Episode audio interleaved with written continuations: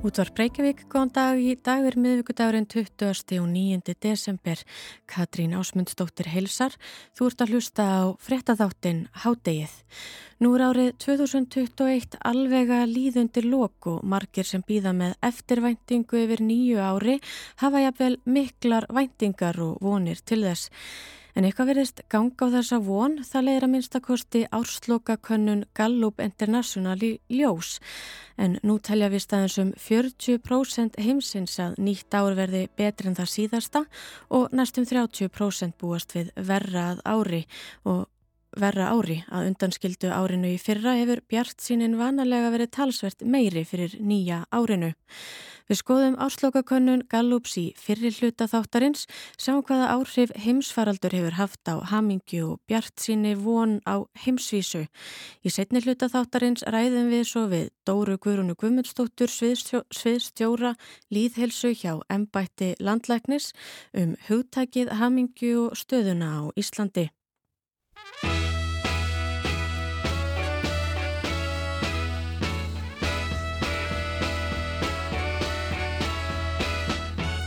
Heimsfaraldurinn langdregni hefur sett mark sitt á flest og hamingja heimsins er vist ekki undanskilin því. En ársloka könnun Gallup International fyrir árið 2021 sínir að hamingja á heimsvísu fer minkandi með að við árið á undan. Auknar fjárhags og afkomu áhegjur almenning segja þátt í því og heimsfaraldrinum á eflaust kenna um það en það viðvarandi og jafnvel vaksandi efnahagstrengingar einn afleiðing langdregins koronavirufaraldurs. En niðurstöður kannanarinnar sína að fólk upplifir kvíða og áhegjur í tengslum við efnahagsstöðuna í heiminum. Það vekur þó áhuga að áhegjurnar hafa ekki fæst í aukana milli ára. Niðurstöðunar eru mjög svipaðar árinu árinu á undan sem reyndar líka var COVID-ár. 26% heimsins búast við betra ári, teljað meiri velsæld og hagsæld sé rétt handan við hotnið í þeirra landi. 41% telja fjárhagserfileika í vændum á nýju ári og um 26% telja nýtt ár verði með sama fjárhagslega sniðinu og árið á undan. Þetta eru heildar tölurnar en það vekur aðtikli að niðurstöðunar eru engar mismunandi milli mismunandi ríkja og svæða heimsins. Eins og áður sagði búast um 26% heimsins almennt við meiri velmegun á nýju ári. Hins vegar er þessi tala 61% í Nýgeríu. Það er að segja þar býst yfir helmingur þjóðarinnar við aukinni velsæld á nýju ári. 58% í Indonésiu og 55% í Vietnám. Um helmingur Azerbaidsjana, Albana og Indverja líka. Í þessum ríkjum hefur bjart sínin bersýnilega vinningin. Efnahags áhyggjur og svart síni fyrir komandi árir mest ríkjandi í Tyrklandi og í Bosníu og Herzegovinu en þar búast um 72% þjóðarinnar við erfiðu efnahagsári. Rúmlega 60% búlgara, pólverja og rúmena og afgana gera þá ráð fyrir erfiðum tímum framundan og rétt tæplega 60% þjóðverja.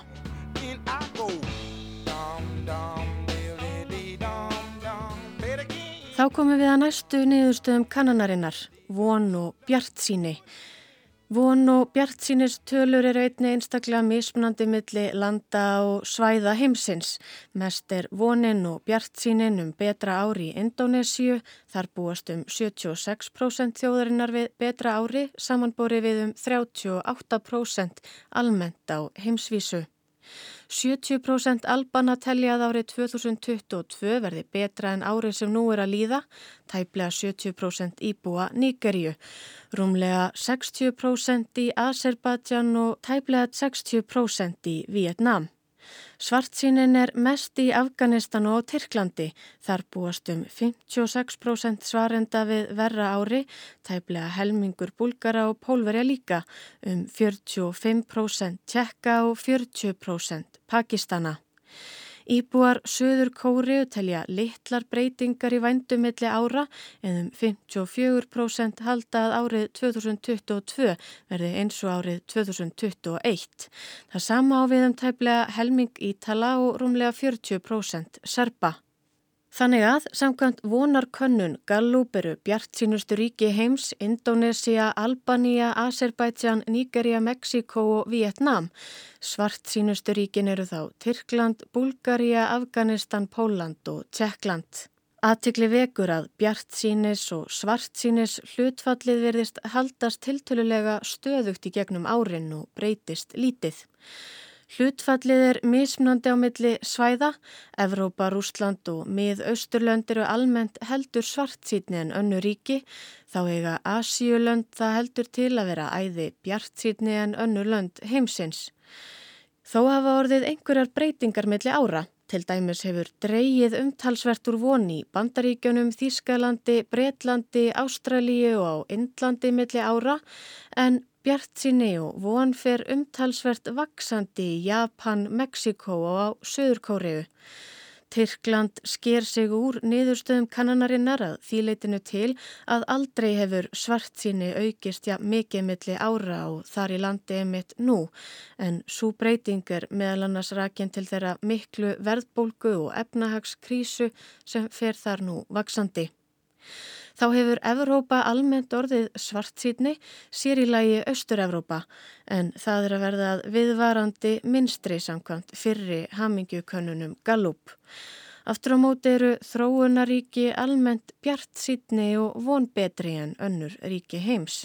Svo útskýring fylgir þessum niðurstöðum að þjóðar bjart síni veldi ekki aðeins á velsælt og velferð almennings í landinu, heldur einni á breytum á borðið aldur þjóðarinnar og viðhorf og skinnjun á framtíðar möguleikum og þróun landsins.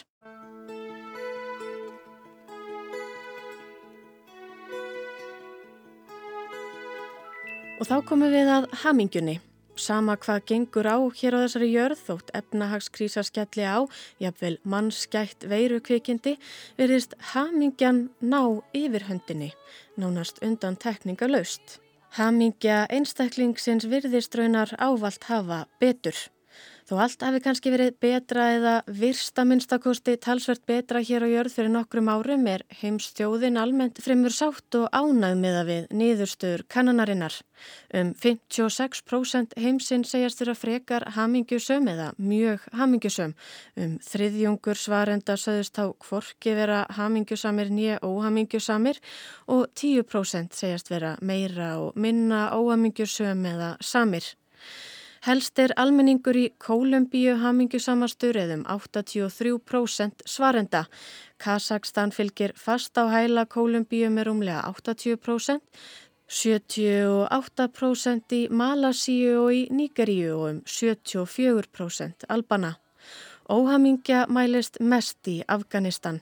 Þar segjast þó aðeins ef svo má segja með að við ástandi þar um 36% vera óhamingjusamir, næst fylgja Ghana, Írak og Úkræina en þar segjast um 30% vera óhamingjusamir, 23% í Tyrklandi, Pakistan og Rúslandi. En svo oft áður virðast Suður Ameríka, Afrika og Austur Asia vera hamingjusömmustu svæði heimsins en Evrópa með Östurlönd og Rúsland aftur eins og svo oft áður vera á þungbúnu hliðinni. Bandaríkinn falla svo einhver stað þarna á milli er í meðalægi hamingjusum miða við almennar niðurstur kannanarinnar.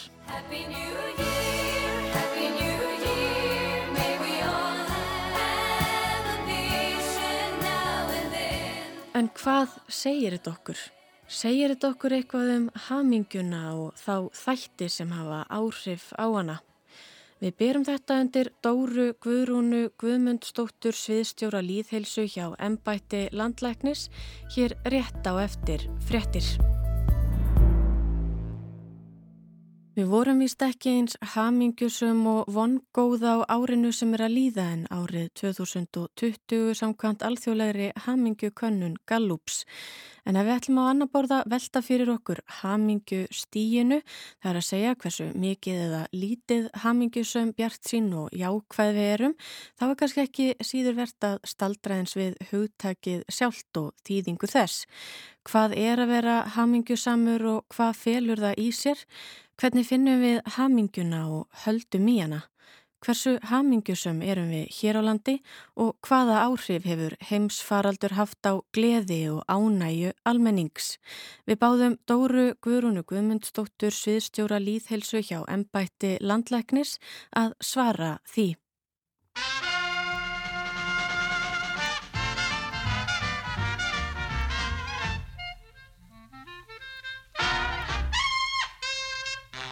Nú kemur ímislegt áhugavert fram í árslokakönnun Gallup International.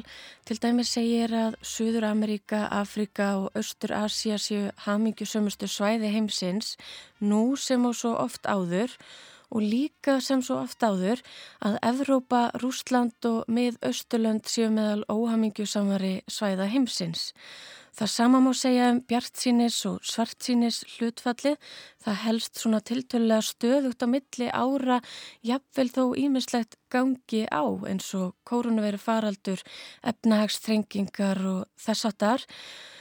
Og þar eru aftur Evrópa, Rúsland og mið-Östurlönd heldur almennt svartsítni en önnu ríki og ríki Asju almennt bjartsítni.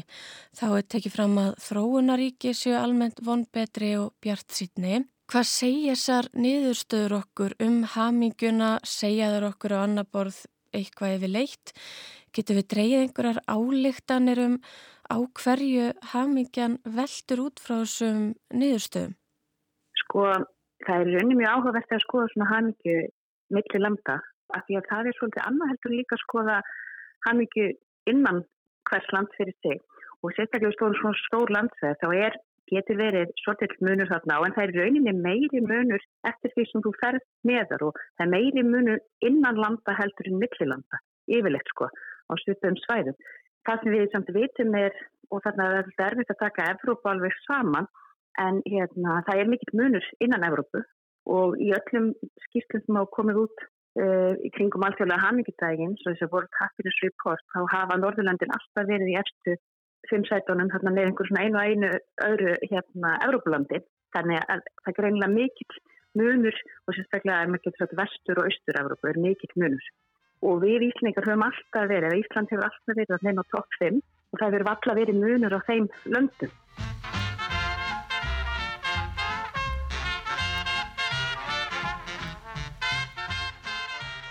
Hvaða þættir hafa mest áhrif á hamingu og hvar er Ísland? Eru við hamingjusum?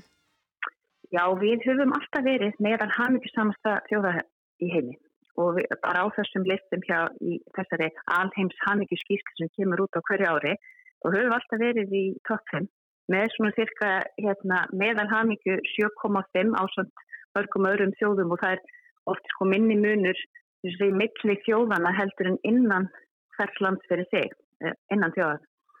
Þannig að Við erum búin að vera þarna, vorum einhver tíman hérna við laungus síðan því ég byrjaði að skoða þetta fyrir 20 árum síðan, þá vorum við alveg náðum að vera með 8,5 og svo höfum við aðeins farið neyður og við og við erum búin að vera lengi í 7,5 og í okkar mælingum hjá ennbættinu, í hamingjumælingum sem að Gallup gerir fyrir okkur mánæðilega, við erum búin að sapna fyrir 2021 og við erum að sjá að það er lækkun þar með ára, við erum lærið 2021 til 2020, þetta er í 7,4 það er kannski ekki stórt en við erum líka að skoða hlutfall þeirra sem skora eftir sem eru mjög hamingisamsi og þetta hlutfall hefur yfir alltaf verið yfir 60% það fór samt niður í fyrra í 58 og komin í 56 við erum að sjá að færri þarna svona mjög hamingisama fleiri svona myndinu, við erum ekki svo aukningu þeirra sem eru mjög óhamingisami sem er mjög gott. En þeir þættir sem skipta mestu máli fyrir hamingina eru félagslegu tengsling Það eru jákvæðátturinn og það sem hefur mest neikvæð áhrif á hamingju eru fjárasáður. Og svo aðrið þættir sem skipta miklu málu fyrir haminguna er það að hafa eitthvað að segja um sitt eigi líf, að hafa finna maður séð svona þeir stjórnina sem er mjög hátt yfirleitt á e, Norðurlöndunum, þessum löndum sem að skora hátt í hamingju og kannski Norður og Vestur-Európu. En hérna þetta eru kannski þættir sem hafa aðeins e, orði fyrir svona smá áskorun í þessum faraldri byrja á félagslegu tengslunum. Við höfum hérna haft færri tækifæri fyrir að rækta félagslegu tengslinn að einhver leiti. Nú svo það fjárhásákjur að það veru í mörgum löndum hefur verið aukningi þeirra sem eru með fjárhásákjur en sem betur sér þá sjáum við á Íslanda að það er ekki aukning meðal þeirra sem eru með hann á endum saman og ekki heldur aukning meðal fólk sem eru vanskilarskrá þannig að það er kannski skýri af hverju það er ekki aukningi þeir sem eru mjög óhamíkjusamir. Þannig að við erum að horfast í augu við áskorunir tengt þessum faraldri sem á áhrif á líðan okkar. Mm. Og einmitt með bjart sínina, við spyrjum líka um hana og við sjáum það alveg að þetta sveiblast eftir e, því hvað er að gerast í faraldrinum og, og við höfum alveg séð og það var ekki sérstaklega þegar að þetta svona áfall kom þegar að nýjustu bylgjurna fór að koma kannski að þarna svona í haust núna þegar að önnur bólusetning var ekki virka eins og við vonumst eftir. Þá data eins bjartinni niður og aðeins vonleitið kom. En við höfum svo verið að sjá mælingar fara upp aftur þannig að það eru sveiblur millir mána hvernig okkur gengur og, og hvernig okkur tekst. Og eins líka í einmannaleikanum að vitum að það að upplifa þessi einmanna það hefur neikvæð áhrif. Og það er stundum með skildum þessi í fyrstu bylgjunni þá minkaði einmannleikina því að það var einhvern svona samstafa sem að greinilega leiti til þess að fólk var að passa vel upp okkur stann og við þurfum að passa upp á það áfram að ef það náum ekki að vera í góðum tengslum og hitta e, þá sem eru viðkomið stöðu eins og eldra fólk að vera duglega að nota símanna og hérna svona myndforrið til það að vera í sambandi þó við náum ekki að, að heimsækja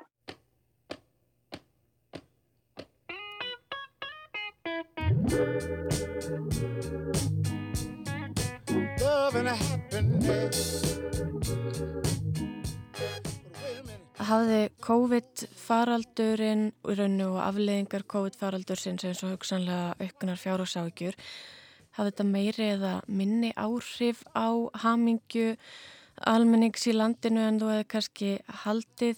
Segir þetta okkur eitthvað um hversu mikil áhrif utanakomandi aðstæður og atbyrðir hafa áhrif á hamingju þjóðar og hvað heldur að sé vændum þá á nýju ári hér á landi ef að COVID kannski heldur eitthvað áfram allavega inn í þetta nýja ár. Vitu við hvernig hamingjan verður árið 2022? Já, þetta eru margar spurningar og stórstu spurt að það var hérna kannski erfitt að fulla eitthvað en maður veldur svo aðeins fyrir þessu. Við gerðum svo kalla líðhilsumat vorum að meta svona ópinn áhrif COVID á ymsafætti og vorum að skoða hvað hefði COVID haft áhrif á. Og hamingin var eitt af því fáið sem við gáttum sagt að þetta veri svona sterkar vísbendingur um að COVID hefði haft þessi faraldur, hefði haft neikvæð áhrif á hamingju fullorðina og við, við sáum sérst hins vegar ekki aukningu í hérna, fjárhásverfileikum á Íslandi.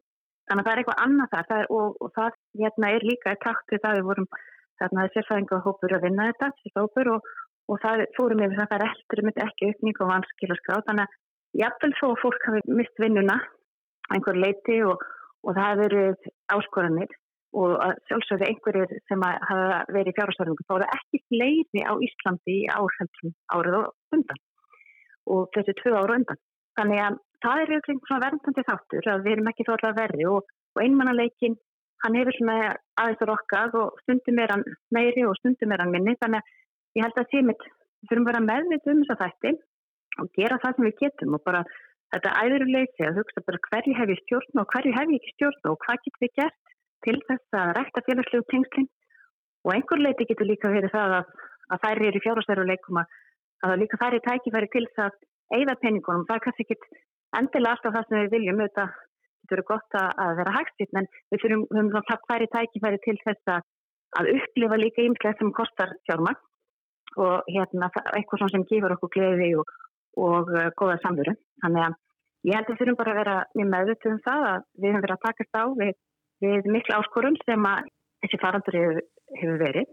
En við höfum gert það mjög byggilegan hátt og við höfum ekki að sjá mjög neikvæð áhrif á andlega líðan eða, eða hamingu. Það er þarna smá vísbending sem við þurfum samt að bara hafa í huga að, að huga fel á okkar félagslegu tengslum og svo þarf hann líka og ég veist að að mótvæði það gerðir sem hafa verið stjórnartafi gríðið til hér hafi haft þá verndandi áhrif að það voru þá allavega ekki fleiri en þetta til fjárhásverfileikum og það er mikilvægt að huga því áfram mm -hmm. að stiða við fólk þannig að það lenda ekki fjárhásverfileikum og, eh, og gera fólki pleift að hittast í, hérna, eins og hættir án þess að það sé um, áhætta fyrir þá sem að eru áhættu fyrir því að, að veikist illa af COVID og, og við verðum að passa upp á það að, að hérna heilbreyðskerfa okkar áður við það. Ég held að líka samstafan, hún er góð og við þurfum að halda henni og svo þurfum við bara að taka þetta vonandi bara, bara getum við farið með svolítið bjartinn inn í nýtt ár.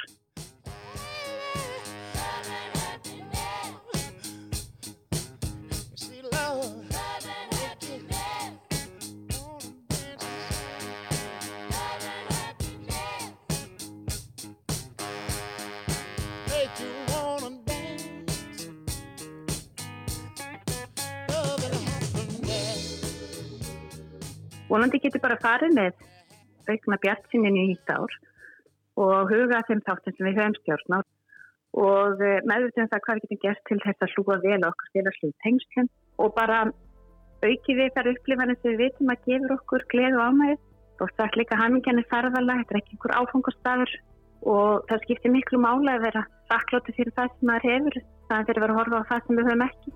Vera meðvitaðum hvað við höfum stjórn og hvað getum við gert í staðan fyrir að hugsa mikið um það sem við getum ekki gert og höfum enga stjórn.